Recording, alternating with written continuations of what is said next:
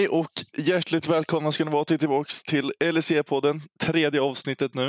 Eh, med mig Erik Friberg och min kompanjon David Rydahl Miller. Hej hej! Hej hej! Eh, vilken vecka vi har haft! Det här var väl inte det vi kanske trodde efter förra veckans avsnitt. Det, var, det har hänt rätt så mycket den här helgen. Ja, det var ju verkligen en upset-vecka. På papper så såg det ju ganska mycket mer självklart ut än det var i praktik. Det var ju många lag som imponerade extremt mycket den här veckan, bland annat de två lagen som gick 3-0, eh, PDS och SK, vilket kanske inte var det man hade förväntat sig.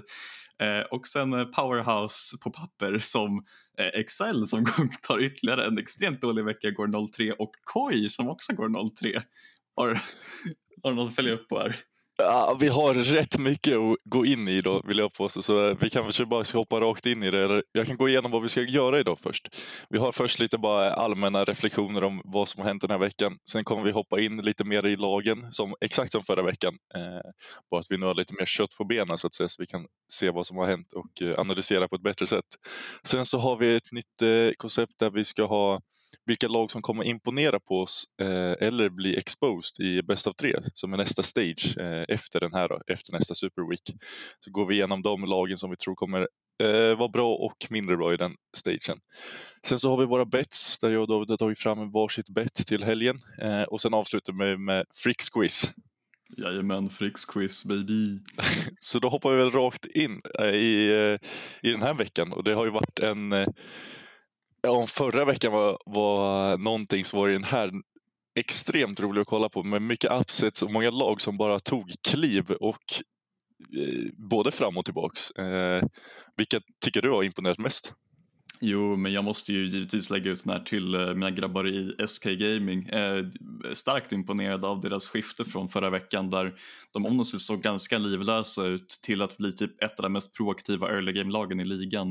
Eh, speciellt med Markoon som verkligen fick ett lyft när han började spela Elise eh, i första två matcherna där han såg ut som en av de bästa junglersarna i ligan igen, vilket han borde vara det, då han har den talangen i sig.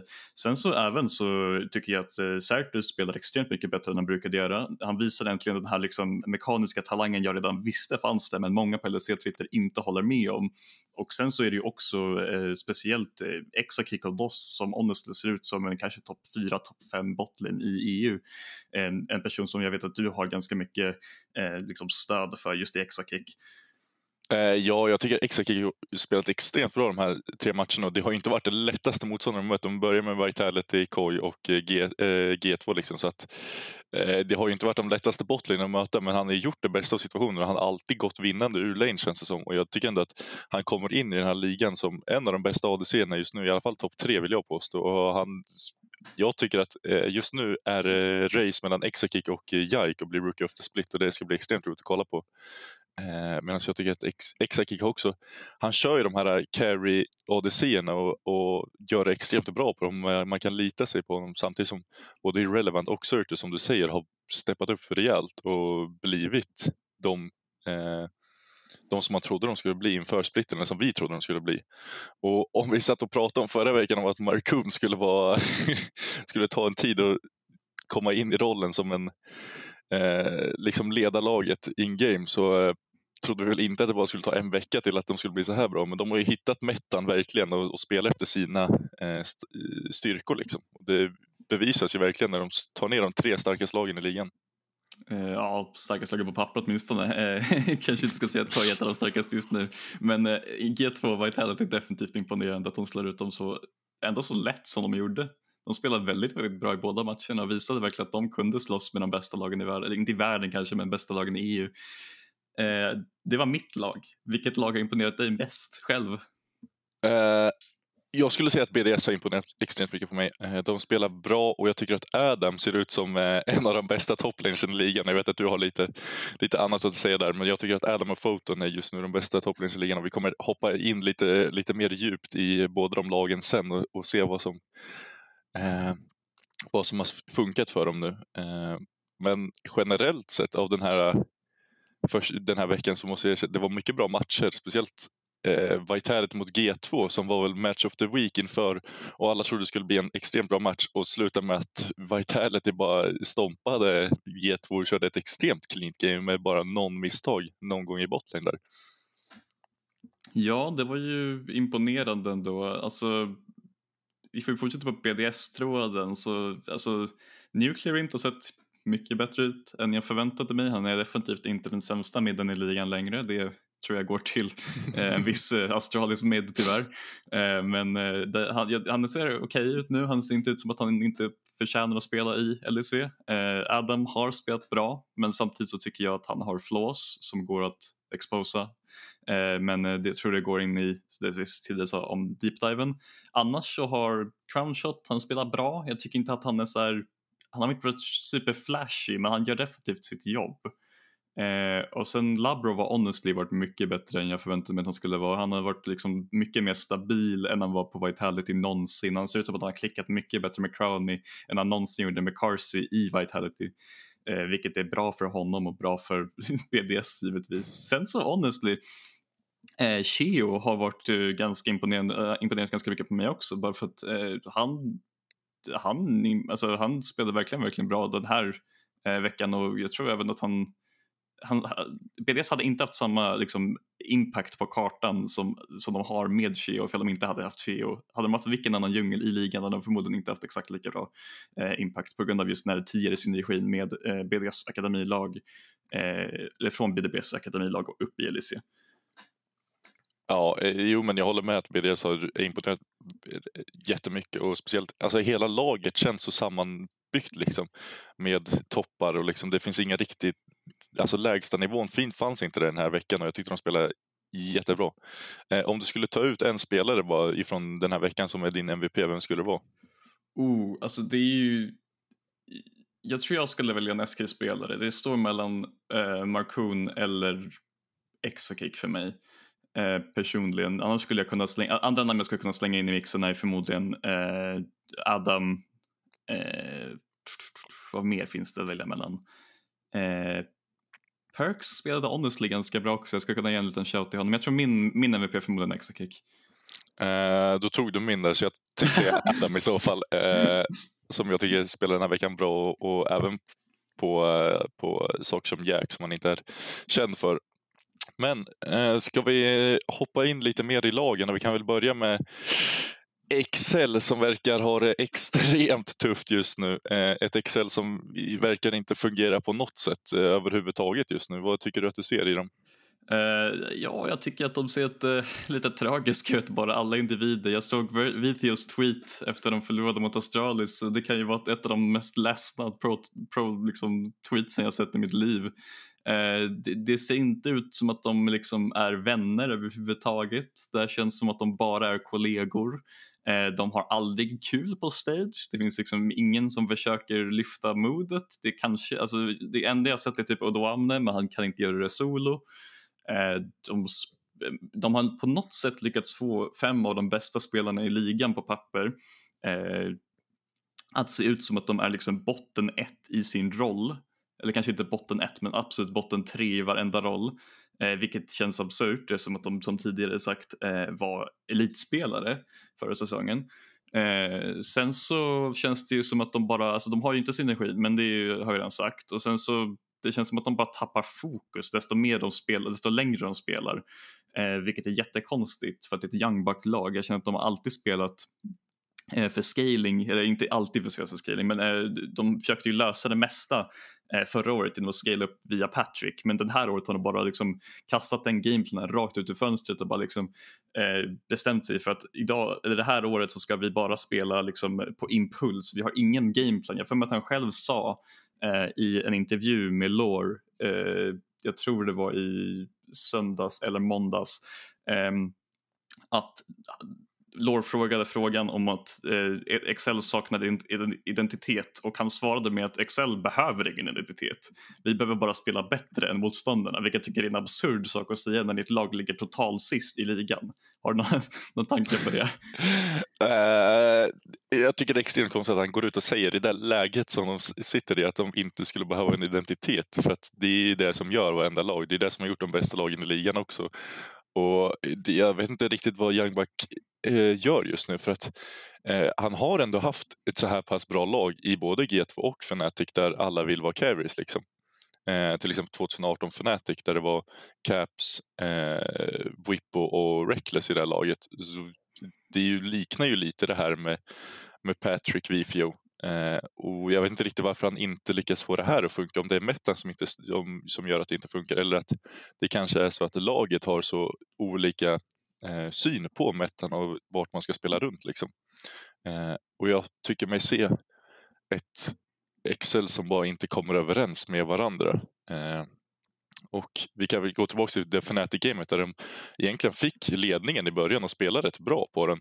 Men sen så efter, jag vet inte riktigt vilken tid, efter typ 30 minuter eller någonting så gör de ett misstag som kostar dem hela gamet och efter det känns det som att världen går ner liksom och de blir stompade av, ex, eller av Astralis eh, dagen efter och det känns som att luften bara går ur dem efter de tappar ledningen där.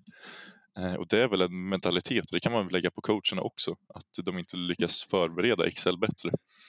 Eh, och som du säger, vi, när vi kom in till splitten så trodde vi att Excel skulle vara ett topp 5-lag och att de har ju ändå eh, alltså topp fem spelare på varje roll i sitt lag. Så att jag vet inte riktigt vad det kan vara, om de behöver mer tid eller om det är att de bara inte funkar tillsammans. Så kan det också vara. Ja, det, alltså det är verkligen en, en väldigt konstig sak att se. Det här laget ska absolut inte vara så här dåligt. Eh, alltså, jag har sett folk argumentera för att det inte finns någon riktig ledare i det här laget. Jag kind of håller med. Och Duamne är inte en sololedare. Han är mer av en, liksom, typ en pappa för en grupp. Han är inte riktigt den som tar alla kliv, han kan inte göra det själv liksom. Eh, och Xerxes Targamas är tystlåtna individer, Vithio är en tystlåten individ och har inte en speciellt bra engelska. Eh, från vad jag personligen tycker åtminstone. Och Patrick är, är inte, han är ju vocal i matcherna men jag tror inte att han är den personen som liksom lyfter moralen utanför matchen. Och det är här jag tror att Excel bara behöver någon som kan liksom lyfta laget egentligen. Eh, om man bara kollar på matcherna så vart de ju absolut över, liksom bara trampade på av MAD, det var inte ens kul. Eh, Fnatic Excel var som sagt close, eh, åtminstone i början, men sen så började de göra konstiga misstag hela tiden. Eh, Vithio spelade inte en bra match och de lät Humanoid bara scala, scala, scala och till slut så var det liksom bara över för att kassa din hehe. Och sen så, sen så var det alltså Astralis, jag menar det vi kommer gå in på Astralis mer men det, det såg inte ut, det, alltså Astralis såg inte ut som det tionde sämsta laget i ligan i den matchen. Nej, eh, vi kommer komma in på Astralis sen också, men jag tycker att eh, deras Trundle pick var extremt bra och eh, den förstörde nästan hela Excels teamkomp med den interaction som Trundle har med Keisante där han bara snor alla hans stats och liksom ta bort hans stats ifrån honom och det var eh, ja, och Astralis spelar extremt bra just nu vi kommer komma in på det senare så det är väl inte jättekonstigt att de vann men jag vet inte riktigt hur man ska kunna göra med Excel här. Om, det finns ju ingen liksom att byta ut heller och det känns inte riktigt som att det är någon som tar tag i det heller i, i en game eller någonting så eh, som man kan hoppas på. Eh, och det kanske, jag, som du säger att det kanske är kommunikationen som inte är den bästa i game just nu. Patrick kanske ska vara lite mer, fokusera lite mer på att spela än att kommunicera kanske för att få, en, eh, få några wins. Men jag, det jag tror att Excel behöver göra det är att de behöver hitta ett sätt, någonting i Scrim som bara funkar lite. Att de får hitta någon win och sen bygger de på det så att det inte blir så här att du hoppar runt och spelar runt topp, mid eller eh, bot. Liksom att du hittar ditt sätt att spela och sen håller du till det. Även om du förlorar en match så fortsätter du bygga vidare på det så att du i alla fall klarar dig ur den här första veckan eller sista veckan nu eh, som är extremt viktig för alla lag att komma ut ur. Eh, jag tror att det är det du måste göra, att bara fokusera på en lane och spela runt det stenhårt för att hitta någonting där. Ja, Excel har ju inte den lättaste sista veckan heller. De möter Heretics som är på väg upp. De möter SK som har vunnit fyra raka eh, och de möter Vitality som förmodligen är det bästa laget i ligan just nu. Eh, så det är, ju en väldigt tuff sak. Men de kan fortfarande matematiskt definitivt ta sig till den där åttonde eller sjunde platsen eftersom att det är så många lag i ligan som underpresterar just nu. Eh, men eh, jag ser det bara inte hända personligen. Jag tror definitivt de kommer ta den här nionde eller tionde platsen tillsammans med kanske Astralis om de inte fortsätter som de gör. Nej, jag tror inte heller att Excel kommer komma vidare tyvärr. Det hade varit roligt att se dem i en bästa av tre och se vad de kan göra där, men eh, jag tror att det blir för tufft att att, ta sig vidare ifrån det här. Så att, vi får väl se eh, Excel eh, nästa split i så fall. Eh, om vi ska gå vidare till nästa laget så är det, har vi G2 som såg ut som starkast laget förra veckan men har väl svalnat lite nu den här veckan med, ja, det var väl ingen, alltså de har inte spelat dåligt men de förlorade mot SK första dagen, eh, vann mot Heretics andra dagen och sen så förlorade de som sagt mot Vitality tredje dagen. Och, Eh, jag tycker ändå att de gör ändå en helt okej okay vecka. Det finns mer att, att be om liksom men jag vet inte riktigt, de får ändå ha en sån, sån här vecka efter den dominansen de visade upp förra veckan. Eh, och jag tycker fortfarande att en sån som Jaik spelar väldigt bra eh, för att vara ny i, eh, i liksom LEC-kostymen. Absolut, Jaik spelade helt okej. Okay. Eh, han spelade väldigt bra i Heretics-gamet. Han blockade väl Belveth av alla karaktärer och totalt bara eh, körde över Jankos, eh, vilket är ganska kul att se.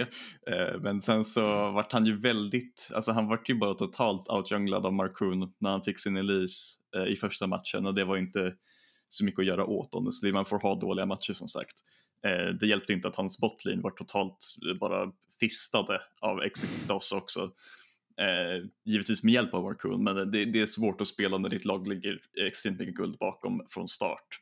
Eh, och sen sista matchen, Vitality, alltså de spelade ju genuint bara bättre bot. Eh, plus att Cassiopeia bara scalade om dem stenhårt in i late. Det var genuint omöjligt för dem att spela late game fighter på grund av att Cassiopeia var där och spelade sin Vi. Eh, väldigt svårt att spela mot honom på Vi då han förmodligen är världens bästa Vi. Eh, och sen så Photon eh, bara gjorde Broken Blade helt useless i late för att eh, Gwen Cassant är inte kul när den gått över eh, ungefär 25-27 minuter. Nej, och jag tror att G2s problem egentligen, även fast det är ett, kanske ett lyxproblem, är väl att de har, eh, det jag tror att de har vinner så mycket i scrim så att de inte är vana med att uh, falla behind. Liksom. Att, de, att de ligger under efter early game och så att de inte är vana vid det och alltså inte har liksom tränat på det. Uh, och jag tror att de kommer behöva träna på det när de kommer in till nästa stage och liksom kunna komma tillbaks i gamesen. För det känns som att de är lite clueless om vad de ska göra när de trillade bakom i guld eller så i början. Så att uh, jag hoppas på att G2 kan rycka upp sig lite för det hade varit kul med en eh, G2 och Vitality som är mer lika varandra än att Vitality spelar så extremt clean som vi kommer komma in på senare också. Men någon jag tycker ska steppa upp lite är Caps. Jag tycker inte han har sett ut som sitt forna jag riktigt. Jag tycker att han har några nivåer extra i sig. Eh, sen vet jag inte om det är som en humanoid eller så att han eh, eh inte riktigt ser motivationen till att spela så bra nu när de egentligen är klara för nästa stage och att eh, han kanske bara behöver vila lite om vi säger så eh, för att hitta tillbaka till, till, till sitt eh, forna jag liksom. Nej men du har 100% rätt med att Caps inte har varit på samma nivå som vi brukar se honom.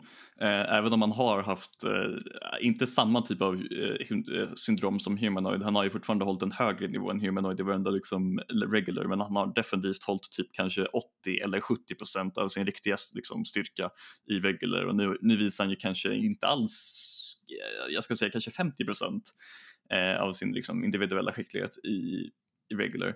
Eh, de gav ju dessutom honom, eh, om jag inte minns helt fel, first picken i G2 Vitality med Ryzen och den hade han inte supermycket impact på. Även om det inte bara var på grund av picken, det var ju även på grund av att eh, Vitality bara eh, spelade bättre early.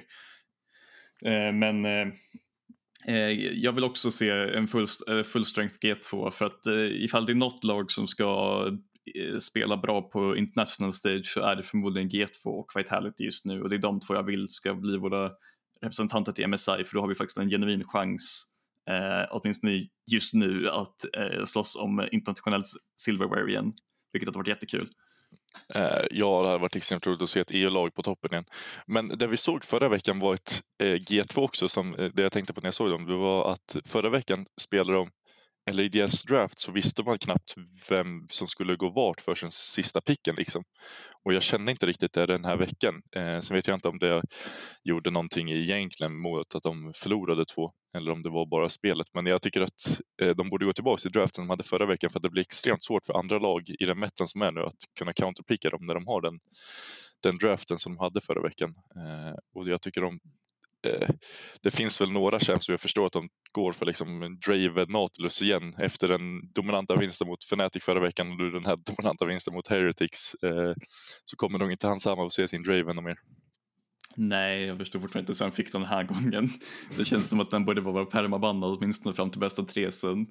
Eh, absurt val av Heretics men eh, egentligen så spelar det ingen roll. De hade förmodligen blivit lika stompade oavsett vad han spelade. Ja, men det finns ju inte jättemycket att säga om Get för de kommer nog förmodligen komma tillbaka som vanligt och eh, kommer nog bli en stor, eh, eller kommer nog vinna rätt mycket i sista veckan också. Så vi kan väl gå vidare till ditt Mad Lions. Vad har du sett den här veckan från ditt Mad Lions? Ja, alltså vår vecka var ju ganska intressant egentligen för att vi spelade genuint väldigt bra de första två matcherna. Vi absolut stompade Excel, vilket man kanske förväntar sig med tanke på att de ligger så här lågt ner, men just när, de, när vi spelade mot dem hade de faktiskt bara spelat, då låg de ju fortfarande bara 1-2. Eh, så mentalen var förmodligen inte helt förstörd än, men vi totalt körde över dem. Eh, sen var det match of the week enligt LEC, vilket jag förstår bara var för storylinesen. Eh, Mad Lions mot Koi. Eh, det var ju inte heller close. Eh, Carsey Hillisang lite stompade Comp Trimby. Eh, Eljoja var extremt proaktiv, gjorde allt han behövde. Vi genuint bara körde över Koi perfekt, exakt det jag vill se. Jag tycker inte om Koi personligen, jag tycker inte om klubben, jag tycker inte om spelarna, jag tycker inte om någonting med den klubben överhuvudtaget. Det är våra rivaler på riktigt och vi ska hålla det så. Eh, sen så var det ju sista matchen, eh, BDS, vilket jag anser vara en tragedi eh, för att eh, vi förlorade egentligen matchen i round 2 bands eh, där jag inte förstår eh, Mac och Puds val att banna Renekton mot eh, Adam när vi redan har bannat hans Olaf och hans Darius är öppen. Eh, bannar vi Darius i den där situationen så vinner vi matchen 100 av 100 gånger. För att vi spelade fortfarande ut dem på kartan under hela matchen. Det var bara att Adam hade 2 500 gold lead vid typ 12 minuter eh, och kunde därför liksom extenda den leaden för att vi spelade ut dem i varenda fight basically förutom när Darius stod i mitten av alla hade, hade Adam haft vilken annan karaktär som helst basically hade vi förmodligen vunnit den där matchen mm, majoriteten av tiden. Uh, jag tyckte att Mad Lions mot BDS var kanske en av de roligaste matcherna den här veckan. Uh, just på grund av Adams Darius. Uh, eh, och jag tyckte att Mad Lions topside i gamet var egentligen katastrof från början. Jag tycker inte att man ska jag tyckte som du säger att draften var inte jättebra att låta, eh, låta Darius gå igenom till Adam. Men sen också att eh, köra Akali Johnny Keisante i topsiden mot Darius tycker jag var helt fel val för att du kan egentligen inte punisha honom eh, på ett bra sätt med de tre champsen topside och låter egentligen Adam göra egentligen vad han vill eh, och springa runt mappen liksom. Eh, men jag kanske inte kan blamea så mycket på dem. Det var ju bara det var Adam show liksom. Och de spelar rätt bra macro Mad Lions tyckte jag också så att eh, det var inte jättemycket att ta, ta, ta, eller ta hem ifrån den förlusten. De kan ta med det bra i macro och sen bara glömma den förlusten för det var ju bara Adam. Så att, eh, den är nog lätt att gå vidare ifrån. Samtidigt som jag tycker Chasey har spelat, fort, eh, fortsätter att imponera på mig. Eh, jag trodde att det skulle ta längre tid för honom när jag lyssnar på dig eftersom du har kollat på ERL sen, att eh, det skulle ta längre tid för honom att kunna anpassa sig till en LEC-stage där djunglersen kommer komma topp mer oväntat och att liksom eh, du har inte riktigt samma eh, killer pressure som i ett Eh, i IRL sen eller i Screams där på stage kommer du att spela mycket eh, långsammare och så. Jag trodde inte Chasey skulle etablera sig så snabbt men det har han verkligen gjort och jag är imponerad över honom. Eh, samtidigt Absolut. Som jag, tycker att... jag förväntade mig inte heller. Jag skrev ju en hel artikel om honom tidigare. Jag var jätteorolig inför liksom matchstarten att Chasey skulle bli totalt exposed men clearly har han gjort eh, ett väldigt bra jobb under liksom under våra scrims sen, eh, sen december och verkligen blivit inkorporerad i laget eh, och han spelar verkligen typ motsatsen till vad jag förväntade mig. Även om det, för första gången så blev han faktiskt exposed för en av de flåsen jag sa eh, tidigare i just BDS-matchen där han inte hade en ward uppe eh, och blev total punished av Shea och Adam. Eh, men en gång är ingen gång, som man säger. Sen håller jag definitivt med om att eh, våran, vårt val att gå eh, trippel AD mot eh, Darius, eller eh, trippel, trippel melee mot Darius är väldigt konstig när jag bara tittar på det. det. det. finns faktiskt ingen logik i varför vi sätter Niski på Akali när vi, när vi väljer att låta eh, Darius öppen.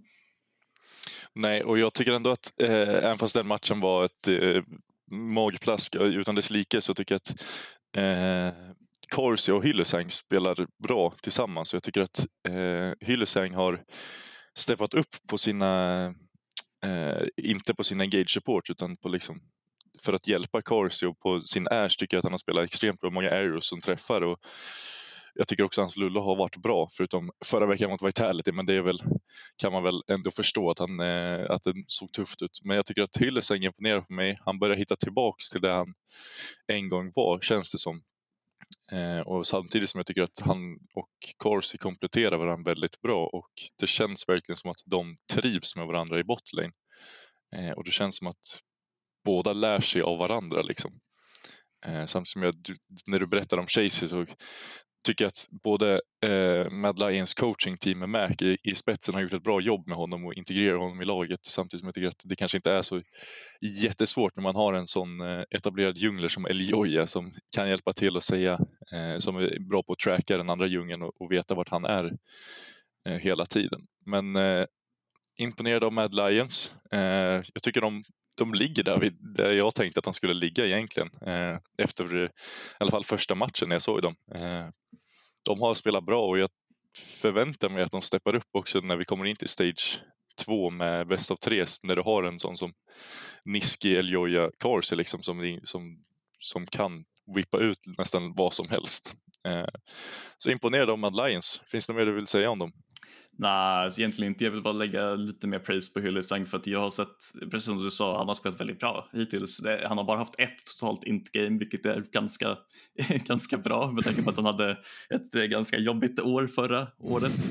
eh, men jag har sett jättemånga på eh, på LEC Twitter och jag har lyssnat på andra poddar också som eh, har liksom totalt trashat honom bara för just det gamet. Jag förstår inte hur du kan dra eh, varenda slutsats från en match. Eh, samt, speciellt med det track recordet att han kommer ha såna här matcher. Det är det vi tradar honom för. Ibland så spelar han briljant, ibland så spelar han totalt värdelöst. Det är det vi har honom för. Eh, och jag vill bara lägga extra tack till just till Isang att han faktiskt håller sig liksom eh, på en hög nivå. Han håller sig lugn, han håller sig sansad i majoriteten av matcherna och spelar väldigt bra med Carsey. Eh, ska vi fortsätta vidare till nästa lag? Det kan vi göra. LIC-podden sågar resten av alla poddar. eh, har vi bra titel.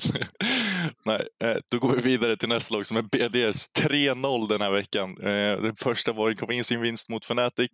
Sen har vi en vinst mot Astralis och sen slutar vi med vinst mot, vinsten mot Mad Lions. Eh, vad, vad tycker du om den här BDS-upplagan? Jo, men det, det, är väl som vi sa tidigare att de är ju väldigt samspelta. Det, det märks ju att det faktiskt fanns en tanke bakom just den här promotionen från eh, akademin. Även om akademin definitivt var ett av de bästa akademilagen i världen så det var inte som att man inte förväntade sig att de skulle spela bra. Eh, men eh, det är fortfarande väldigt liksom impressive hur bra de faktiskt spelar tillsammans just nu. Eh, de eh, de, de använder sig ju av sina spikes på rätt sätt. Det känns som att Crowley spelar ofta eh, ganska passivt i lane men får fortfarande liksom extremt hög impact i teamfighting. Eh, Adam är en fucking psykopat och springer med alla sina karaktärer in i alla toplaners och vinner lane. Typ, jag tror han vunnit lane i nästan varenda matchup. Eh, och Cheo gör sitt jobb. Jag tycker att Cheo har varit ganska, liksom, han har varit lite, lite av en unsung hero, ungefär som eh, Irrelevant på på SK som inte, de får inte speciellt mycket, eh, speciellt mycket praise och applåder men eh, de gör sitt jobb nästan varje match eh, och det, vis, alltså, det, det, visar ju bara hur, hur djupt BDS egentligen är i synergi. Eh, ja, och jag tycker att det var ett nu i efterhand tycker jag att det var ett eh, management genius att ha kvar Adam i ERLsen eller flytta ner honom och låta han spela där i, i någon split och bara låta han lära sig av typ en sån som Crowney också där nere att uh, hur de vill spela. Jag tyckte det var bara tanka den summersplitten uh, eh, för att vara så här bra nu i Winter och liksom vara samspelta och liksom komma in i det här extremt bra och mer förberedda nu än någonsin känns det som. Så det måste jag prisa BDS management-teamet för att de, de hade sån is i magen och satte Adam i sitt Academy-lag och väntade på att han skulle utvecklas ännu mer. Eh, och det kanske bara kan du hoppas av ett annat lag som Fnatic också men det verkar inte vara samma tålamod där. Men Eh, för att gå tillbaka till BDS. Adam har ju då Olap game mot Fnatic, sen körde han Jax och eh, Darius. Och eh, både Olof och Darius har ju varit hans go-to champs genom hela karriären och det visar ju att han, hur, hur comfortable han är på båda de champsen. Att han bara kan springa in i motståndarlaget och, eh, och, och, göra kaos. Liksom. Eh, speciellt i båda de matcherna körde han ju faktiskt Flash Ghost eh, på respektive. Och jag tyckte att BDS spelade bra runt de summonerspelsen. Att de, de väntade på att Adam skulle få upp sin Ghost eller Flash så han kan komma in i backlinen. För att det man kan ofta se i andra lag är att eh, när du har en engage eller du har en, en champ som vill komma in i backlinen och göra eh, motståndaren uncomfortable. Liksom. Så att, eh, brukar det kunna bli lite stelt när de inte har den Eh, flashen uppe eller så, så att eh, de bara står och hittar på din frontline istället. Och jag tyckte BD spelade rätt, riktigt bra runt hans summoner spells och satte verkligen upp Adam för en carry performance i båda de matcherna. Samtidigt som att när han hamnar på en jack som är mer meta så tyckte jag inte han gjorde bort sig överhuvudtaget. Eh, tyckte han spelade riktigt bra. Han fick väl en solo-kill på Finn var det väl.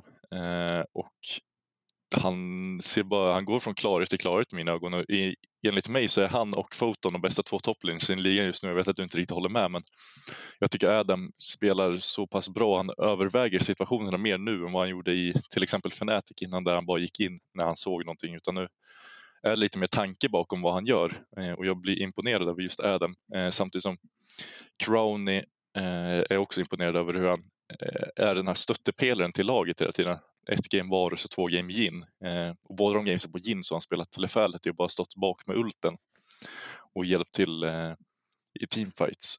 Och jag kan väl gissa att Crown är en av de ledande faktorerna till eh, kommunikationen i laget.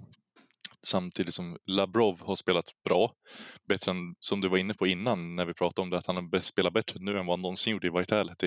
Eh, och jag vet inte om det är att han har mindre press på sig nu att han inte behöver känna att han behöver prestera lika mycket, att han har den pressen, utan det ligger mest på Adam Crowner. Liksom. Eh, så jag vet inte riktigt. Jag gillar det här BDS-laget skarpt. Ja, jag tycker att de är, det, det, är bara härligt att se att det här laget äntligen får ihop det. Det var lite tragiskt när de kom in och köpte sin slott eh, och direkt blev ett av de sämsta lagen i ligan. Eh, man får ju liksom sån här lite lite tankar mot att de bara är här för att liksom eh, bygga upp liksom, eh, värdet på sin LEC-slott och sen sälja vidare inom några år. Eh, men nu har de faktiskt visat att de vill verkligen vara tävlingsinriktade och vill kanske, kanske inte leta efter titlar. Jag tror inte Red laget kan vinna titlar men jag tror att Deftis kan vara med i och slåss om kanske topp fyra just nu. Om de fortsätter spela som de gör just nu så kan de definitivt vara en threat i bäst av tre sen rent teoretiskt. Sen så tror jag att det finns eh, ganska stora flås med vissa spelare i bäst av tre, men jag tror vi tar det senare för att vi har en till segment om det. Eh, sen så, alltså, som du sa, Crownshot, Labrov, eh, Adam, stjärnor allihopa just nu. Eh, Nuclearint har spelat extremt bra den här veckan, eller extremt bra, extremt bra. Han spelade bra nog den här veckan eh, för att han gjorde bara sitt jobb egentligen. Han fick, eh, vad var det, ett game Asir, eh, ett game Victor och ett game Silas. Eh, om jag inte minns fel så var det Silas-gamet han poppade off eh, på hårdast där han eh, slaktade Dajor eh, i mid. Eh, men det kanske man förväntar sig med tanke på att Dior inte har en speciellt bra eh, säsong just nu tillsammans med resten av Astralis. och annars så är det väl eh, som är en proaktiv djungel eh, som kan spela det mesta i metan just nu. Inte för att metan är supersvår, men eh, han ser confident ut på det mesta.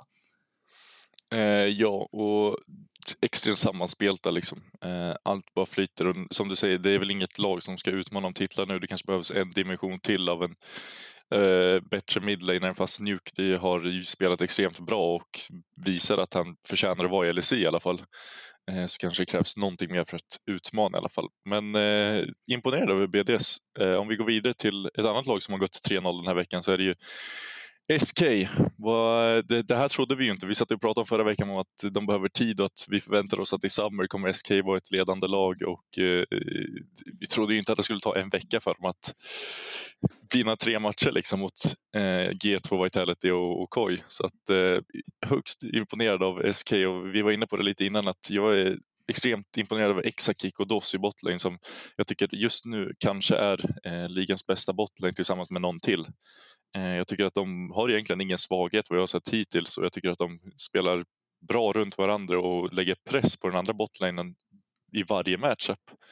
Eh, och de spelar bra runt laget och allting så jag, jag har ingenting att anmärka på på Eskils botlane. Vad säger du? Uh, nej, Eskils Spotline är väldigt stabil. De gör sitt jobb hela tiden. Eh, även om jag, eh, det finns så här teoretiska saker, inte just med SKs Spotline men just hur, hur de pickar sin botlane i, i draft. Det jag bara inte riktigt förstår SKs coaching staff där de till exempel tar Lucianen före Namin eh, mot Koi där de bara kan välja Namin och eh, ingen, de kommer aldrig välja Lucian eh, till eh, komp utan Namin. Men istället så ger de upp Namin så de bara har Lucian eh, med en, en katt på sig istället. Som, som bara inte är lika bra i, i lane. Även om de lyckas få det att fungera väldigt bra bara för att eh, komp och Trimby just nu spelar på en extremt mycket lägre nivå än de gjorde förra året. Eh, sen så, if vi går vidare från deras botlane så vill jag lägga extremt mycket pra eh, liksom praise på Marcoon som jag tycker har spelat eh, förmodligen, som förmodligen var den bästa djungeln den här veckan. Eh, han är definitivt inte den bästa djungeln i ligan men han är en av de bästa djunglerna i, eller han var definitivt den bästa djungeln i mitt, eh, i, enligt mina ögon den här veckan. Eh, hans Elise var extremt eh, viktig för eh, för SKs success den här veckan. Eh, det var praktiskt taget han som fick hela deras early game att flyta som det gjorde. Och det var han som skaffade Exakick en ledning mot G2, det var han som skaffade Certus en ledning mot Caps mot G2, eh, det var han som skapade de mesta chanserna eh, för Irrelevant mot eh, Vitality, eh, han var drivande faktorn i de matcherna, sen så var han lite mer tyst på Sejuani, men det kan man ju förstå eftersom att eh, Sejuani kommer inte kunna vara lika proaktiv som Elise. Eh, nej, eh, Barkun har spelat jättebra och han är eh, verkligen den djungeln som jag förväntade mig att han skulle vara när vi kom in i ligan. Och eh, Han gör allting rätt samtidigt som han måste vara the main voice så att säga av det här laget. Så jag tycker han spelar bra och jag förväntar mig bara att de kommer växa ihop mer och mer och mer nu eh, samtidigt som en Surtus som jag, hade, som jag visste kan spela bra på LEC-stagen trodde jag inte att han skulle gå, vara så här bra. Han, han går upp mot de bästa midlangen i ligan eh, i en vecka och liksom vinner varenda matchup känns det som. Eh, även fast både Perks och Larsen skulle på en Tristana som inte var lyckad. Men fortfarande så tycker jag att Surtus har imponerat mycket på mig på sina på de här gamesen och han bevisar verkligen att han kan vara där uppe och slåss om en en eh, i alla fall topp midlaner i ridligan. Kanske inte, inte så på topp tre liksom, men ändå där uppe på övre halvan tycker jag i alla fall. Uh, och jag tycker att allt han spelar just nu, speciellt hans Asir var väldigt, väldigt bra mot G2. Där han egentligen bara, alltså han, han satte stopp för G2s comeback-chanser och allting. Liksom. De kunde inte göra någonting mot den. Så att SK tycker jag är bra. Vad förväntar vi oss av SK när vi går framåt?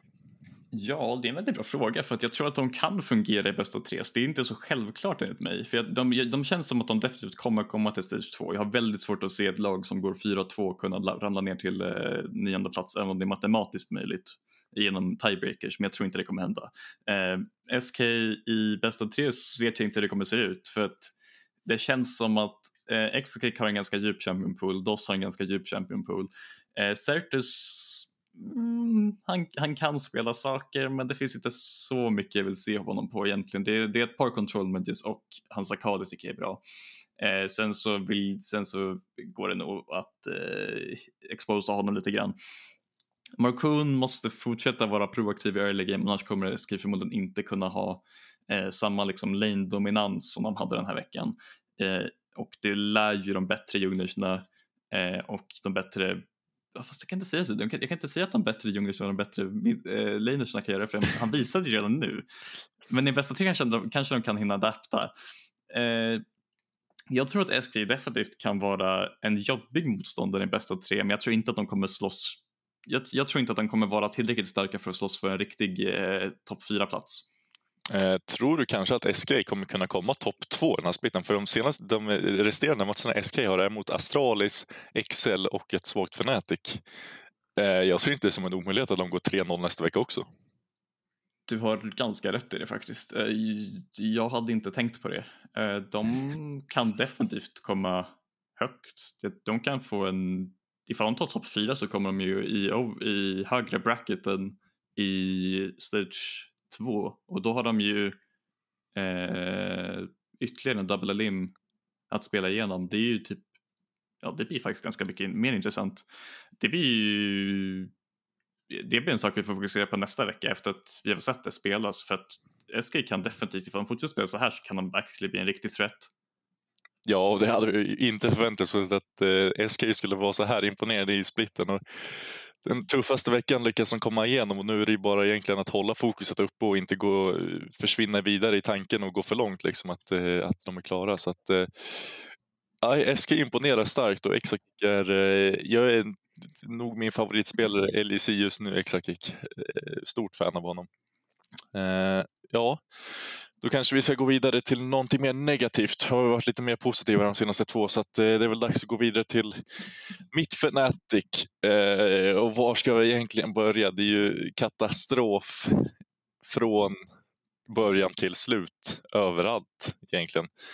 Eh, vi kanske ska säga att de eh, började i veckan med att förlora mot BDS, vann sen eh, mot Excel, vilket var väl sämsta matchen den här veckan. Eh, om man kollar på eh, bara alltså, taktik och spelmässigt. Eh, sen så förlorar vi sista matchen mot Heretics också, eh, som egentligen skulle varit en vinst. Och, ja, vi kan väl börja med att bara gå igenom eh, reflektioner om Fnatic och jag tycker att det känns inte som att någonting klaffar. Det känns inte som att de kommer överens i en game. Det känns inte som att det är någonting som liksom det känns inte som att de har hittat någonting och om Excel var ett katastroflag så vill jag ändå påstå att Fnatic har är nästan lika mycket katastrof just nu. Eh, jag vet inte riktigt var felet ligger heller. Det är bara allmänt dåligt just nu. Och det finns ingenting som liksom, det, man kan inte riktigt greppa efter någonting heller känns det som för att den matchen vi ändå vann var inte ens vår match att vinna.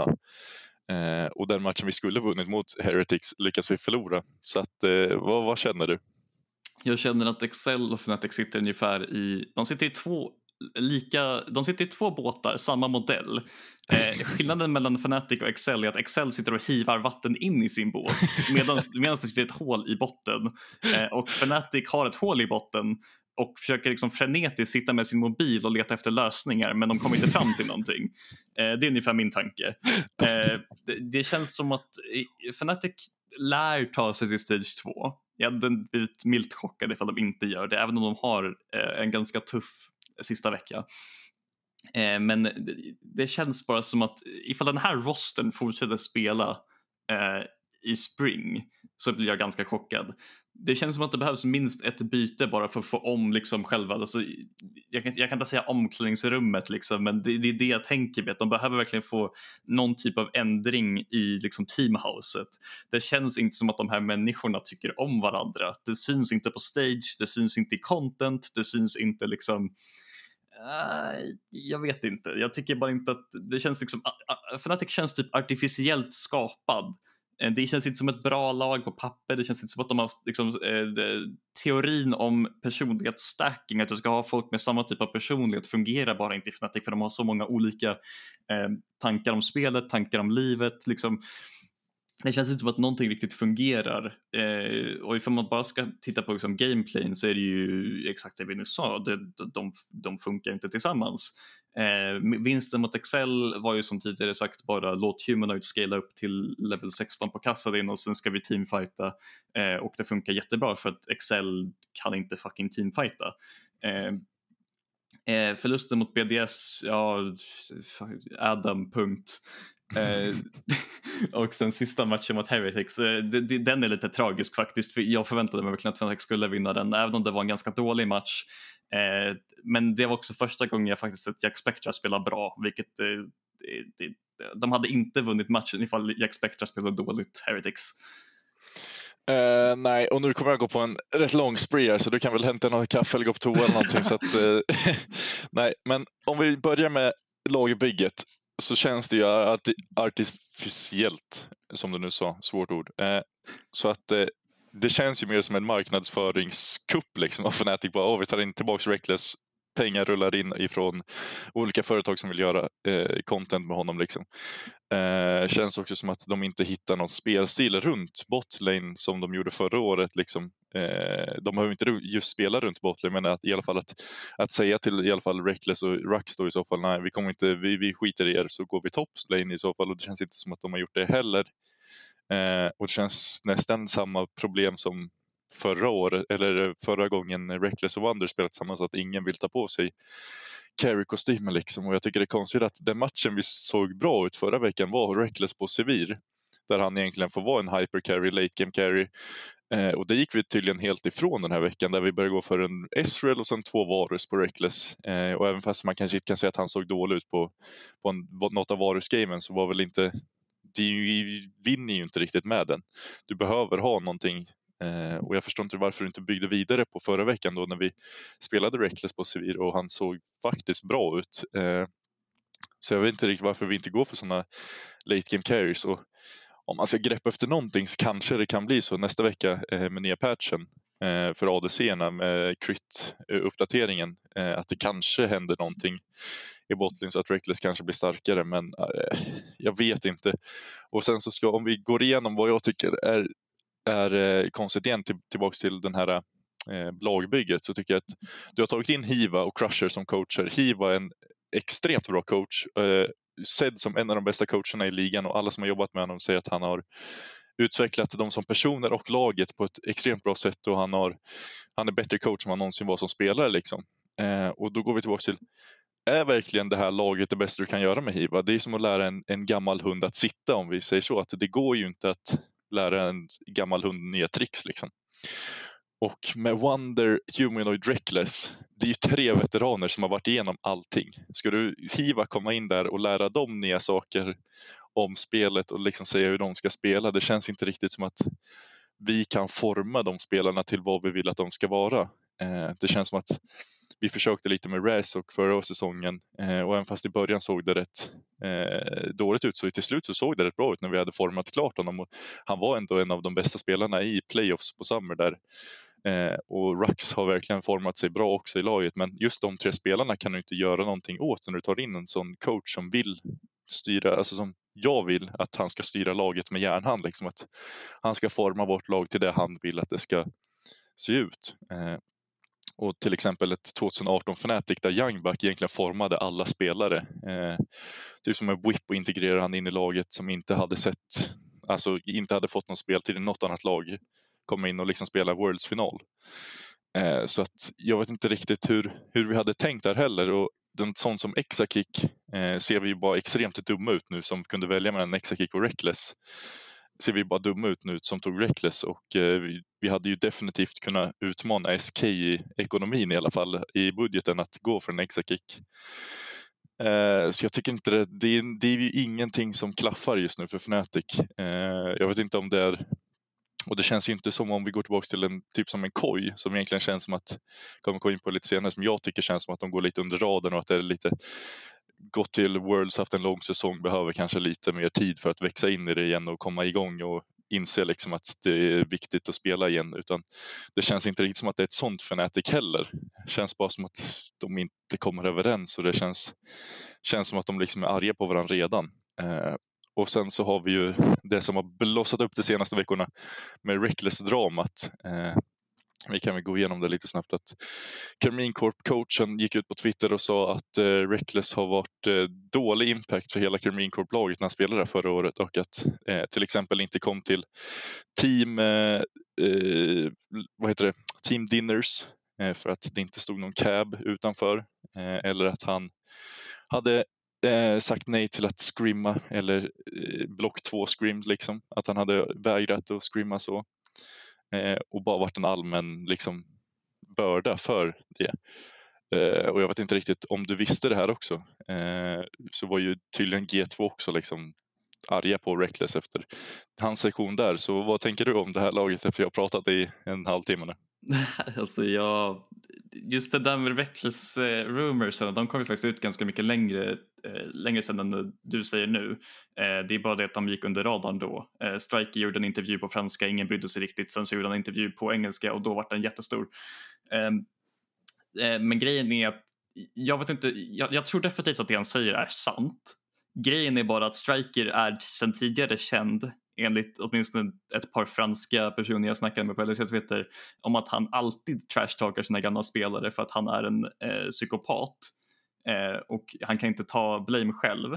Jag tror delvis att, eh, jag tror definitivt att det han säger är sant för det känns som någonting Reckless skulle göra för att jag tror att han har lite av liksom megalonomi i huvudet just nu. Eh, då jag tror att han, är, han tror att han är bättre än han faktiskt är. Jag tror att han fortfarande tror att han är den här eh, legendariska EU-räddaren liksom, i, räddaren i nöden, den bästa EU någonsin har sett. Liksom. Det är han obviously inte längre. Eh, men eh, jag tror att eh, han är nog en problematisk lagkamrat eh, och jag tror det finns ganska mycket sant i det Striker säger men jag säger också att Striker har en, eh, liksom en separat anledning till varför han säger det här. Det är inte bara för att liksom eh, för att förklara saker om varför Carmine Corp gick dåligt. Det, det, det är också för att säga eh, att liksom bara trasha på Reckless. Eh, men sen som, som du säger om laget, eh, ja, det, det, det, det, funkar bara inte. De behöver göra någonting. De måste spela ut den här säsongen med den här rosten och sen så vill jag se jag vill förmodligen se främst ett toppbyte. Jag tycker att Wonder gjort sitt personligen. Eh, jag skulle, ifall de måste behålla Reckless, vilket jag känner att de måste nu för att det känns jättekonstigt att de skulle byta ut honom, så vill jag se eh, stark, alltså en riktig grind mellan honom och Rux för att få dem att spela på samma nivå eh, och eh, spela samspelta. Eh, och sen så vill jag se Humanoid antingen få en eh, positionell coach eller en mental coach eller ut ur laget. Eh, jag känner att han gör inte tillräckligt även om han förmodligen är deras bästa spelare på papper och förmodligen med händerna bara överhuvudtaget. Han är en världsklass mid på sin peak men han har inte visat det under hela den här säsongen. Eh, och jag tycker att han måste verkligen steppa upp sin mental game eller så måste han ut ur laget. Eh, jag håller delvis med. Det här är min eh, take på Fnatic om vad jag tycker att de skulle kunna göra nu för att kunna lyfta bara nu snabbt och kanske lite senare också. Så du får gärna komma med input sen eh, efter jag är klar. Eh, jag hade tagit ut Wonder ur laget. Jag hade satt in Oscar in från vårt Academy-lag och jag hade plockat ut Rux, eller Reckless eh, och satt in Bean nu för att få Rux Bean. Som, de kommer inte vara den bästa bottlen i ligan tillsammans men de kommer vara stabila och de kommer definitivt inte göra bort sig. Samtidigt som Wonder är ett problem för oss just nu. Han eh, kommer inte alls upp i den nivån som man hade förväntat sig. Eh, även fast man hade trott att Wonder inte kommer göra någonting speciellt den här säsongen så tycker jag att han spelar sämre än förväntat. Och där tror jag att Oskar Rind kan komma in och liksom få sin chans i LSI för jag tycker inte han har gjort bort sig i vårt Academy-lag och jag tycker verkligen att han förtjänar en plats i vårt LSI-lag med tanke på att hur Wonder spelar. Eh, och även fast jag vet att Fnatic inte har varit kända för att ta upp spelare från sitt eh, Academy-lag, även fast vi har tagit upp Brux nu, så tycker jag att det är det vi måste göra. Ta upp de två, låta bara liksom harmonin i laget ändra på sig så att vi får en change. Vi får nya spelare in som jag var inne på innan, att Hiva kan liksom tweaka och liksom fixa på så att han får dem dit han vill ha dem.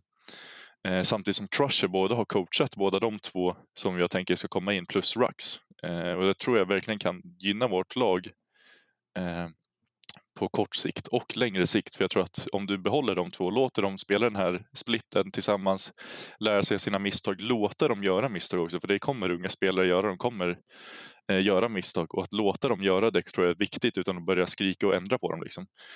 Eh, och då tror jag att du kan komma in i, i alla fall i Spring eller i Summer med ett helt annat lag med Humanoid som den stora stjärnan eh, här i detta laget istället för nu där det känns som att han känns bara trött på att spela i det här Fnatic-laget och känns lite som att han vill bort känns som. Vad tycker du?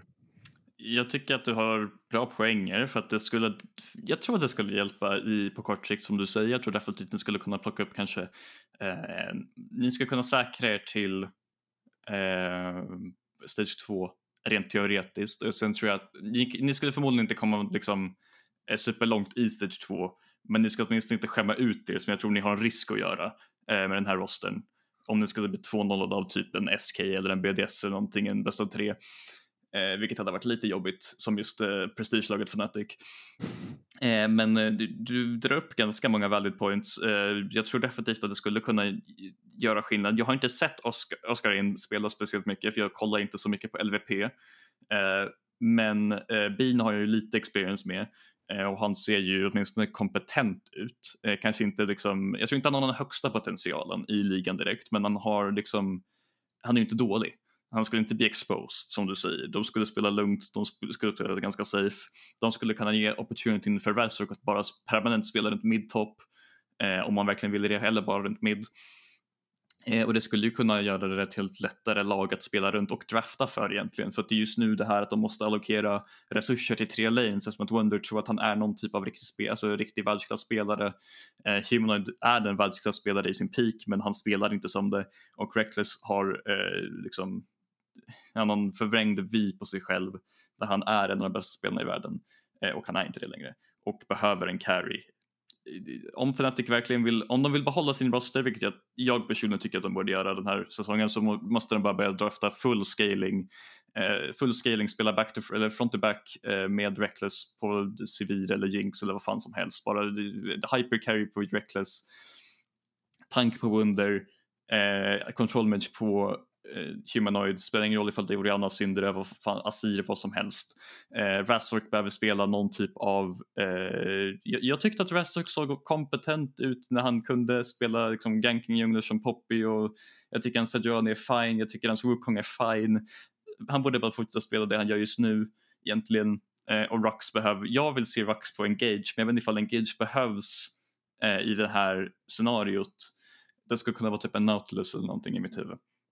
Eh, ja, och om vi ska nämna Ruxley. så tycker jag att han har spelat faktiskt bra under omständigheterna. Jag tycker att han har gjort det bästa av situationen och för att vara ny i det här laget med som vi kan tro en dålig mentalitet så tycker jag att han har gjort det bästa av situationen. Jag tycker inte att när han spelar sin Leona mot Heretic så gör han bra saker. Han går upp till mid och hjälper Humanoid och han roamar runt eh, mappen liksom och låter Reckless med sin Lefelity Varus sitta ensam i lane. Jag tycker att Rux har väl varit en liten ljusglimt som man kan bygga vidare på. Även fast jag var lite skeptisk mot honom inför säsongen tycker jag att han har, han har spelat rätt så bra under omständigheterna. Eh, om vi har något mer om Fnatic, det blev en rätt lång rant, men eh, jag tycker de förtjänar efter den här eh, ja, starten på säsongen. Ja, jag har inte så mycket mer att säga tror jag.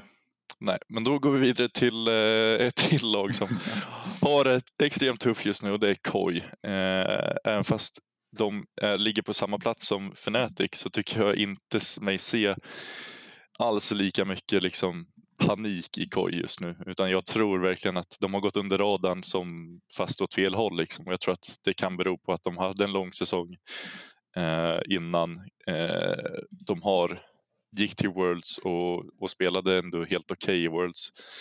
Och jag tycker väl ändå att man kanske kan ha lite översikt över dem just nu. Eh, jag vet att G2 för några år sedan när de också gick långt i World så tog det en liten stund innan de kom in i splitten igen och jag tror att jag tror att det är samma sak med KR. Jag tror att de kommer steppa upp sista veckan för att de måste och sen så kommer de komma, komma in i det mer och mer i stage, stage 2. Ja, jag håller med till en viss del. Jag tycker inte att vi borde liksom eh, jag, jag, tycker att KOI får mindre hat än Fnatic eller mindre liksom concern än Fnatic för att jag tycker att de spelar matcherna bättre. Men samtidigt så är inte det här nivån jag förväntar mig, även om de spelar på typ 70% för att behålla liksom eh, deras, de har inte skrimmat lika länge som alla andra lag och de har liksom, Lars snackade tidigare om det här om att ja exakt att de hade en lång säsong och sånt. Eh, och jag tycker att det är okej att de liksom spelar på en lägre nivå under regular split. Men jag tycker fortfarande att de borde plocka upp mer vinster än de gör. För det känns som att de blir liksom eh, individuellt eh, bara gapped, genuint gapped eh, av mycket sämre spelare. Eh, till exempel förlorade Comp, eh, Comp Lane mot Jack Spectra Mersa tidigare. Det är liksom inte en sak som skulle hända förra året. Eh, Comp Trimby var monster förra året, 2v2. Eh, de förlorade Lane mot Carsey Hillesang, även om Carsey Hillesang är en av de bästa botsen i EU just nu eh, så Typ borde de ändå inte förlora så. Jag, jag kan ge dem en liten eh, caveat där att vi spelade dubbel Halo Bleed så det är en ganska jobbig matchup.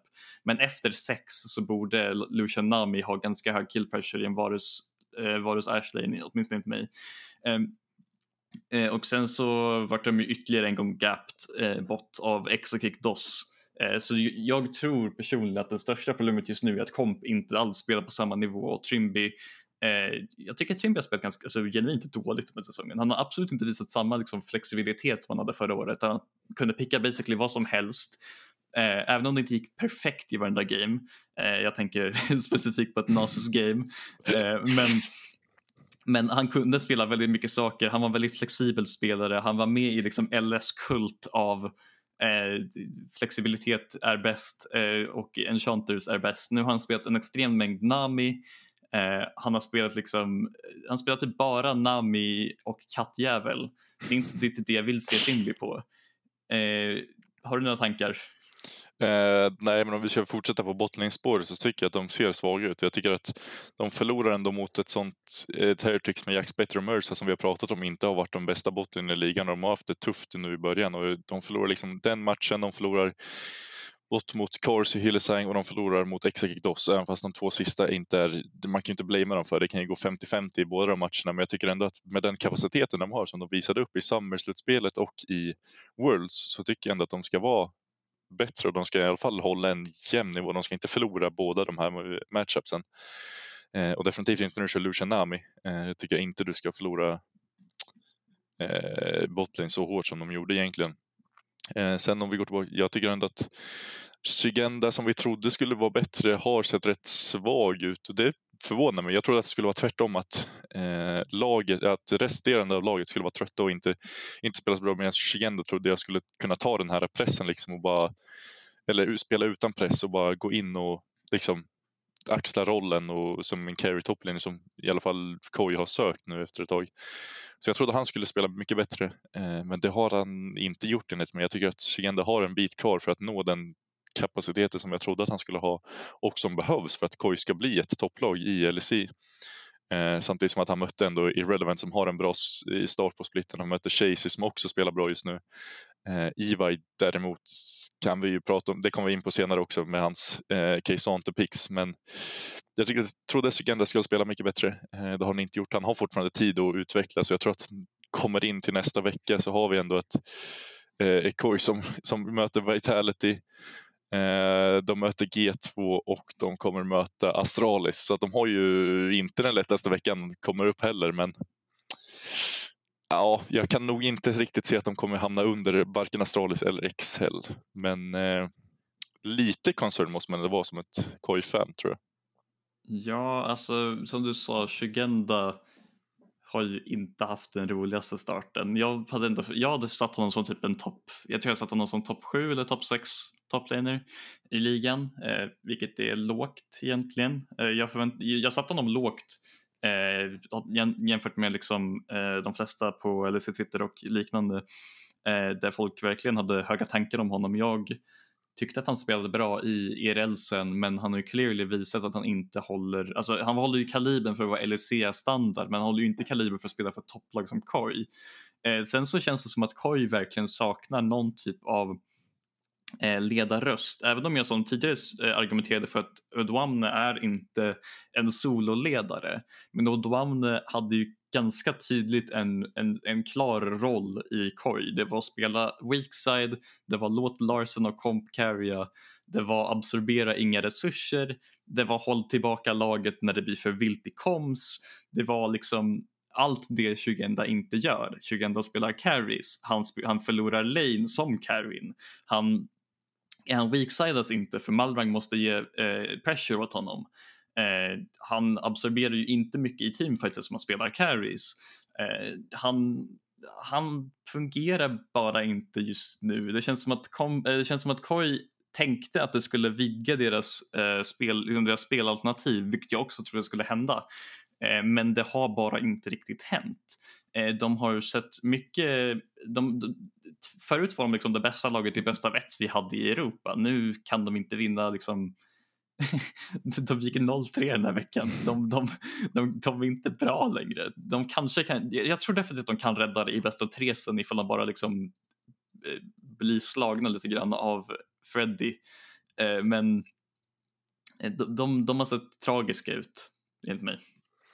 Ja, eh, och vi pratade om den veckan som de har med Vitality, G2 och Astralis. Och den enda lätta matchen är väl Astralis, men tanke på hur egentligen tufft eh, botlanen Koi har haft och Astralis botlane har verkligen visat upp sig. Eh, så kanske den också blir rätt tuff att möta. Eh, men ja, som du säger, jag förväntar mig att de kommer klara den här veckan och att de kommer komma in i stage 2. Eh, och jag tror att de kommer kunna rycka upp sig där när de väl börjar komma in i den bästa av tre match. Eh, jag tror att de kommer verkligen steppa upp det som i, i Summer Playoffs. Men eh, det var Koi. Ska vi gå vidare då till näst sista laget eller sista laget? Ja, sure. Eh, då har vi Team Heretics eh, som kom tillbaks rätt bra efter förra veckan. De eh, gick 2-1 den här veckan eh, och eh, de vann första matchen mot KOI. Eh, sen har vi en förlust mot G2 och sen sista matchen vann de mot Fnatic som sagt. Och eh, jag tycker ändå att vi pratade lite om det förra veckan att vi tog ut varsin bra spelare, det var Iva och Ruby och jag tycker fortfarande de två spelarna har sett bra ut och speciellt Ruby som jag tycker har kommit in i den här veckan ännu bättre nu och verkligen visar upp att han behöver vara här och han bevisar mig ännu en gång fel att jag tycker trodde att Swairu i deras Academy-lag skulle komma upp. Och jag tror att vi kan glömma den ur resten av säsongen, eller splitten i alla fall, att eh, han kommer komma upp för Ruby har verkligen bevisat att han kan spela på den här eh, nivån eh, och gör det extremt bra. Ja, eh, Ruby spelade bra den här veckan. Han var ju eh, lite exposed i get för matchen men det var ju inte på grund av sig själv. Det var ju på grund av att han samma totalpissade på hans botlane minut typ tre. Eh, sen så matchen mot Fnatic så spelar han mekaniskt okej okay, men jag måste kritisera hans build path på Azir den matchen för jag har aldrig sett en Azir gå fucking Mercury Thread som fjärde item eh, efter att han redan committat till två pen items. Varför inte bara gå eh, pennskor också? Åtminstone, plus att du bygger det fjärde item, vad är poängen? Bygg det second. Eh, eh, sen så är det ju, alltså Jack Spectra, Mersa Eh, spelade bättre den här, eh, den här veckan. Eh, fortfarande inte jättebra. De vann ju ganska hårt mot Comp Trimby. Eh, vilket är impressive får man bara säger det som. de spelade Lucian Nami in i Silver Yumi så det är ju ganska förväntat. Eh, sen vart de ju bara överkörda av Hansama Mickey-X men vilken botlane blir inte överkörd av Hansama Mickey-X? Eh, svaret är eh, Vitality's botlane. Eh, och sen sist så var det ju Jack Spectra Mersa som spelade en Savvy Brom mot Reckless och Rux eh, Varus Leona. Och den matchen eh, måste jag ju nästan säga att Jack Spectra enveniade en specifik fight som basically vann Heretics-matchen där han höll upp typ 4-5, eller han höll upp 3 4 Fnatic-spelare i den matchen och Ruby och Jankos fick freehitta. Eh, så det var ju bra gjort av honom men jag är fortfarande inte såld på Jack Spectra. Eh, nej, det gör jag inte heller. Jag tycker att Jack Spectre och Mercer fortfarande har sina problem med botlane och jag tycker ändå att de är en botten tre botlane just nu eh, tillsammans med eh, Patrick eh, och Tögemes och eh, förmodligen Komp just nu skulle jag vilja påstå är rätt svag i det här läget. Men eh, jag tycker ändå att deras botlane, de, börjar, de spelar bättre den här veckan än förra veckan och fortsätter de bygga på sig så kommer det nog bli bättre. Eh, Iva i kan vi prata om hur han fortfarande får sin Keisonte för sjätte matchen i rad mot Fnatic. Han har bara spelat Keisonte. Han gör det definitivt inte dåligt på honom. Eh, men han jag fattar inte riktigt hur de kan ge honom sånt. Man kanske borde testa honom eh, på någonting annat när, ändå, när han ändå spelar sex matcher på honom. Kanske man borde testa någonting annat liksom, eh, som motståndarlag, att man bannar ut den för att se vad han kan göra på andra champs. För att här är han väldigt comfortable och han vet exakt vad han ska göra och hans limits liksom. Eh, samtidigt som jag tycker Jankos är en bra ledarroll i det här laget. Eh, många unga spelare. Så jag tycker att Jankos också spelar, spelar bra just nu. Att, eh, Eh, jag, blev, jag är lite förvånad att de ligger där de ligger. Jag tror de skulle ligga lite längre ner men det är just den matchen mot Fnatic kanske som, som drog upp dem så mycket. Eh, och det är ändå starkt av dem att komma tillbaka till den matchen för att Fnatic hade en rätt stor lead med ett bra komp som egentligen ska kunna stänga ut den matchen men jag tycker de gör ett bra eh, effort för att hålla sig kvar i matchen och kunna vinna den till slut. Ja, eh, Heretics de spelar, och, de spelar bara som de spelar ganska samspelt. Det finns inte, alltså, det, det, känns som att eh, Jankos och coachingstaffen gör ett bra jobb med att bara liksom få laget att hålla tillsammans ganska mycket. Eh, och det funkar ju i de flesta, alltså, de, de är ett okej okay teamfighting-lag eh, och det är typ deras wincons. Sen så tror jag att de eh, kan struggla ifall de kommer vidare till stage 2. Men eh, det tar vi senare. Vill vi, vill vi ta Vitality också eller ska vi? Nej, jag tror vi, vi börjar bli lite långdragna så vi kanske ska hoppa över på det andra. Vi, vi kan väl gå igenom bara Vital lite snabbt att de hade en bra vecka och ser ut som ett av de starkaste lagen och är väl det laget att slå just nu. Ja. Ska vi hoppa över till vårt nästa segment som är lag som vi tror att kan imponera och eh, bli, alltså inte imponera lika mycket i bäst av tre och eventuellt vilka som kommer till bäst av five sen efter nästa stage. Liksom. Eh, så du kan väl börja med vad du tror, vilka som du tror kommer imponera på dig? Ja, jag, valde, jag satt och valde mellan eh, G2 som jag bara tror kommer levela upp ytterligare en nivå på grund av just deras flexibilitet. Men jag tänker ändå säga mitt eget lag med, eh, vilket känns intressant. För jag, jag trodde inte jag skulle vara i den här situationen och liksom ha confidence i MAD eh, i, i preseason. Men just nu så känns det som att vi kan, eh, vi kan bli ett ganska bra lag. Vi kan förmodligen fortfarande inte leta efter titlar än så länge. Det kommer nog komma senare. Men eh, jag tror att vi kan vara en ganska stor threat i en bästa tre för jag tror vi har ganska mycket flexibilitet i våra, liksom, i våra karaktärer och i våra, eller i våra spelare. Eh, och vi har ju eh, vi har ju fyra spelare som är väldigt liksom de har ju spelat många bästa av tres och ganska många bästa av fems i sin karriär, även om vi kanske inte har den bästa track recorden med just eh, bästa av tres och bästa av fems i Mad Lions från förra året där vi eh, var ganska tragiska. Men eh, från eh, 2021 så har vi fortfarande experiencen och där har vi fortfarande två stycken core-medlemmar i Corsi Elioja som har vunnit titlar tillsammans. Och jag tror vi kan liksom eh, bara behålla, vi kan, vi kan återhämta lite grann av den här eh, 2021-eran in i vårt lag eh, och använda den i en bästa tre.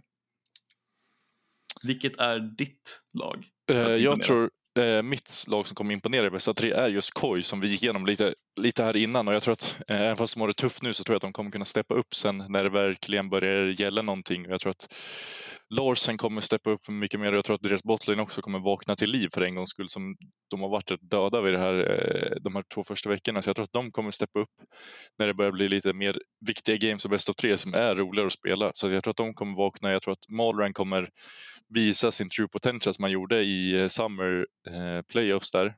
Eh, och jag tror att Koi kommer vara ett lag att räkna med i den bästa av tre och jag tror inte det kommer bli så roligt för de topplagen för Koi kommer hamna rätt långt ner i liksom eh, i seedingen så att de kommer ändå komma in som ett low seed-lag men jag tror att de kommer spela extremt bra och jag tror att de kommer göra det bra. Eh, och jag kan knappast tro att det bästa laget får ju välja vem de ska möta mellan eh, de som är under och jag tror inget av topplagen kommer möta eller kommer välja Koi just. Så jag tror att eh, Koi kommer kunna gå rätt långt. Jag tror att Koi kommer kunna eh, komma till best of fives om de får en bra eller om de får en bra eh, seeding eller slott eller hur vi ska på, eh, säga det. Eh, om du vill ta ditt lag som du tror inte kommer imponera eller kommer bli exposed i bäst av tres? Uh, mitt lag som jag valde ut att bli exposed är BDS uh, eh, för att jag tror genuint inte att de håller uh, i en bäst av tre. Jag tror att Adam, Adam är en för stor punkt i mitt huvud Uh, ifall, vi, ifall ett lag bara fokuserar tre bands first rotation på Adam Eh, och ignorerar hela resten av laget och bara fokuserar allt på Adam så kommer laget inte kunna spela.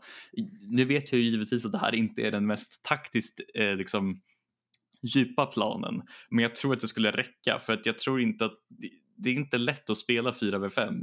Eh, och Adam, jag tycker bara inte att han är så imponerande på någon annan pick än just Olaf Darius. Eh, och ifall, även om han fick sin jack som han såg okej okay ut på eh, Eh, så, så jag är inte speciellt rädd eh, för att ett lag som typ Vitality, G2, Mad Lions, jag tror att alla de, liksom, de bästa lagen i ligan just nu tror jag skulle kunna slå dem i en bästa tre ganska lätt. Uh, jag håller med rätt, rätt mycket det vad du säger. Jag tror att de kanske kan vinna någon bäst av tre här och där men jag tror inte att de kommer gå vidare och jag tror inte att de kommer se lika bra ut som de har gjort i bästa av ett när de har den chockfaktorn som de har i Adam. Eh, mitt lag som jag tror kommer bli exposed är Team Heretics. Eh, jag tror att med Ibai på sex games av eh, Kisonte eh, sätter hon, han på något annat och sen så har du ändå din botlane plus midlane som är rätt nya till den här Eh, pressen som du ändå kommer ha när du kommer in i bäst av tres eh, där du måste performa över en längre tid. Eh, så jag tror att deras bottling kommer bli rätt punishade av det eh, när de kommer möta bättre bottlings längre också med olika matchups. Eh, jag tror att Ruby kommer klara sig helt okej. Okay. Jag tror inte han kommer se lika eh, lika bra ut som han gjorde nu i bästa vets, men jag tror definitivt att han kommer kunna hålla sig i alla fall i jämn, eh, jämnvikt med de andra midlanersen. Men jag tror just att Ivaj kommer inte få spela lika mycket Keisante och jag tror att deras botlane kommer struggla ännu mer så att jag tror att jag tror att det blir Team Heretics som kommer exposa det. Jag tror ändå att Heretics kommer åka snabbast av de här lagen i bästa av tre. Eh, ska vi gå över till våra bets kanske? Ja, låter som en bra idé. Vi har ju då tagit fram varsitt bett inför nästa vecka. Eh, där, eh, ja, som, vi har väl lite olika taktiker men det kan vi gå igenom. Eh, du kan väl börja med ditt bett? Ja, mitt bett är en femling den här veckan. Jag tycker om stora bett med många matcher, men många matcher som är på ett papper ganska lätta.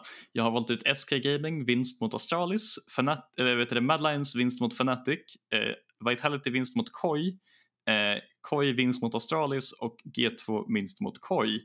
Eh, det är en stor bett, eh, den är på ungefär gånger 6 så det är en ganska stor bett liksom på så. Eh, och det är tre stycken matcher där Korg är inblandad. Eh, vilket är en relativt intressant sak att titta på bara för att eh, jag förväntar mig att de ska förlora två gånger och vinna en gång. det är inte ett lag jag brukar betta på, på det sättet. Ehm, men det man ser ganska fort i det här bettet är att det finns en match som sticker ut extremt mycket i liksom värdet och det är Mad Lions Fnatic som jag anser bookisarna vara helt ute och cykla med. Eh, det finns inte en chans att Malayan ska vara två gånger, två gånger värdet där. Det är genuint väldigt konfunderande från eh, bookiesarna att eh, Mad Lions är underdogs mot Fnatic. Nej, och om vi ser till mitt bet så har jag också Mad Lions mot Fnatic för jag tycker det är jättekonstigt att de har satt Mad Lions på två gånger pengarna och jag tror att Fnatic var på typ 1,6 någonting där. Eh, som jag absolut inte håller med om. Det känns jättekonstigt i det statet som båda lagen är i just nu. Så att jag har tagit Mad Lions där och sen så har jag tagit SK mot Fnatic där också får 2,2 vilket också tycker jag är extremt konstigt. Jag tycker att SK nästan imponerar på mig mer än vad Mad har gjort och då ser jag nog SK kommentaren och till slut så får vi en dubbel på 4,4 eh, och det tycker jag ändå är ett bra bett på två matcher som jag skulle vilja påstå är eh, inte säkra men, men för det bettet så är de extremt bra och värda att lägga på skulle jag vilja påstå. Och eh, kom ihåg att eh, man måste vara över 18 för att spela och behöver man hjälp så finns stödlinjen. Eh, du var väl det. Ska vi gå över till eh, det sista segmentet, det roligaste. Låter Fricks som en quiz. idé. Framåt med Fricks quiz. Förra gången så tog vi ju eh, Kobe. Eh, David gissade på Niske på en fempoängare. Riktigt starkt vad och fel. Men eh, han har då tre poäng efter två omgångar. Och idag så kommer vi gå ifrån lite det vi har gjort eh, senaste episoderna med eh, fem frågor om en spelare. Utan idag så vill jag söka topp 10 med mest kills i LEC och du kommer få ett poäng för varje eh, du sätter. Okej. Så vi kan väl börja med att du bara du rabblar upp eh, några stycken som du tror. Yes, bara i voice. Vad sa du? Bara i voice. Bara här. voice? Bara här? Ska jag bara dra det här? Eller ska jag Nej, du, kan säga, Nej. du kan bara säga rakt ut. Uh, Okej, okay. vi säger Reckless. Jag är fairly säker på att han är nummer ett. Jajamän. Uh, jag tror Caps är uppe där. Yes. Uh, jag tror att Perks är där uppe. Ja. Uh, jag tror att Cobbe är där uppe. Ja. Uh, Eh, Hansama? Yes. Okej. Okay. Eh, Jankos? Ja. Mhm, mhm. Uh, fuck, vänta nu, nu. Nu är det lite mer tungt här. Vi kanske kan uh, säga att du har tagit en, två, tre, fyra, fem, sex än så länge så du har fyra kvar. Ja. Um, och det är hela, är det hela LC från 20, liksom, när de gjorde om rebrand eller hela hela? Nej, det är hela hela. Okej. Okay. Uh,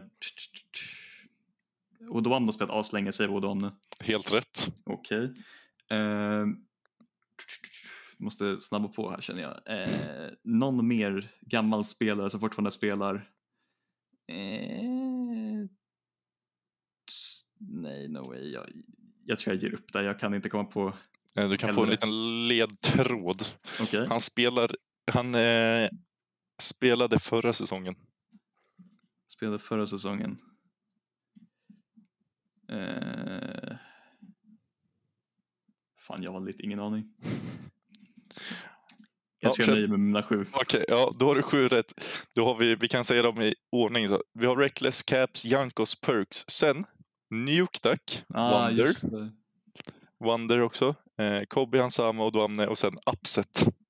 Mm, upset actually. Så att eh, sju poäng idag. Eh, rätt starkt tyckte jag. Eh. om ni fick mer hemma, om ni slog David så får ni jättegärna skicka in till oss. Eh, men annars så säger vi väl bara att vi är tillbaka nästa vecka och eh, kommer med ett stekhet avsnitt om eh, vilka som har gått vidare till Stage 2 och eh, det kommer bli en rolig helg. Absolut. Tack så mycket för att ni lyssnade. Vi hörs nästa vecka. Ha det bra. Hej! Hej.